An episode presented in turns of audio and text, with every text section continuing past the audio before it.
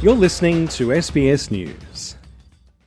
It started out as a protest march in June 1978 with dozens of arrests and police violence. Now it's a 17 day long festival that culminates with a parade. The Museum of Australian Democracy says the Sydney Mardi Gras contributes $30 million to the city's economy every year.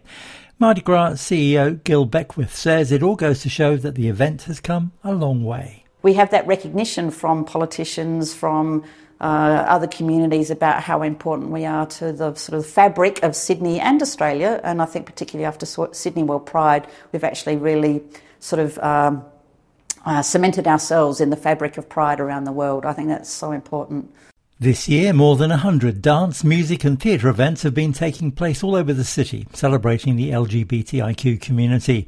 But it's the end of the festival that is the highlight everyone is waiting for Saturday's parade on Oxford Street in the CBD.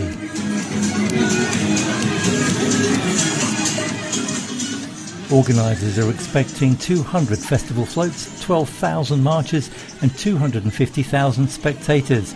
From the mature aged gays, Australian Rainbow veterinarians, Parents for Trans Youth Equity, Please Don't Forget Our Homeless Group, and many others, the community floats reflect the very diverse facets of the people who make up the LGBTIQ population.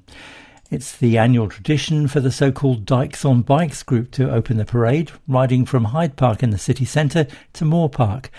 But for the glamour and glitz to come out on parade night, there is a huge amount of behind the scenes work that needs to be done in the Mardi Gras workshop. The workshop employs 10 permanent, highly skilled staff, and there's also an army of volunteers with various talents. Liz Carter has managed this hive of activity for the past nine years. I think the hardest thing for us is always time because although we have a good amount of time, it's always the level of detail and the level of quality that we want to put in. Everyone is so passionate about what we do and conveying our message, which is incredibly important to people. It's it's not just a celebration, it's about what we're saying to people and the world around us. And so getting that message defined into the best quality is really very important.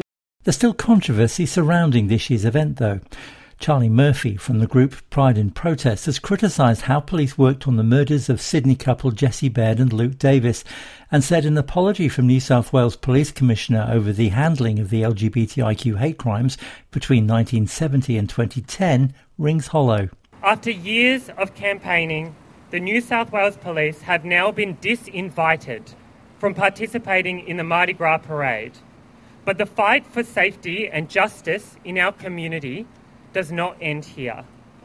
We demand the immediate disarming of New South Wales Police, banning police use of all firearms, tasers, pepper spray, batons. The decision to ban the police from the parade has now been reversed. The Mardi Gras board reached an agreement with Police Commissioner Karen Webb for officers to march as long as they don't wear their uniforms. The Commissioner has said she was dismayed with the initial ruling and is committed to continuing to strengthen the relationship between the police and the LGBTIQ community. We're not dealing with gay hate crime here, we're dealing with a domestic homicide. Um, and that I do, I'm disappointed that the position that Mardi Gras uh, board has taken on this issue. I think this time, more than any in our society, it's time to come together we're talking about inclusion, we're talking about diversity, and to exclude part of that community, I think, sends the wrong message. Advocates say there's been a lot of progress over the last 50 years from decriminalisation, anti discrimination laws, transgender legal recognition, the removal of a military service ban, parliamentary representation, adoption rights, and same sex marriage legalisation.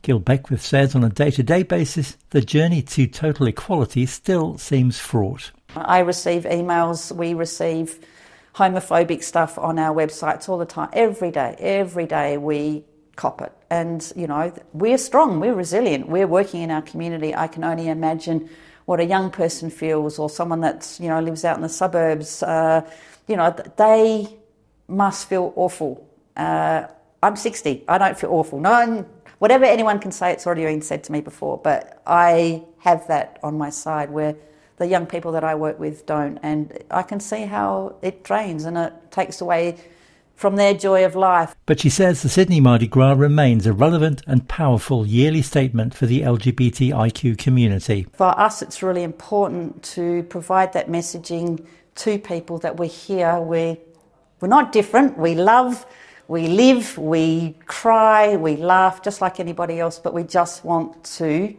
be celebrated and embraced and accepted for who we are. It's really, really important. Alan Lee, SBS News.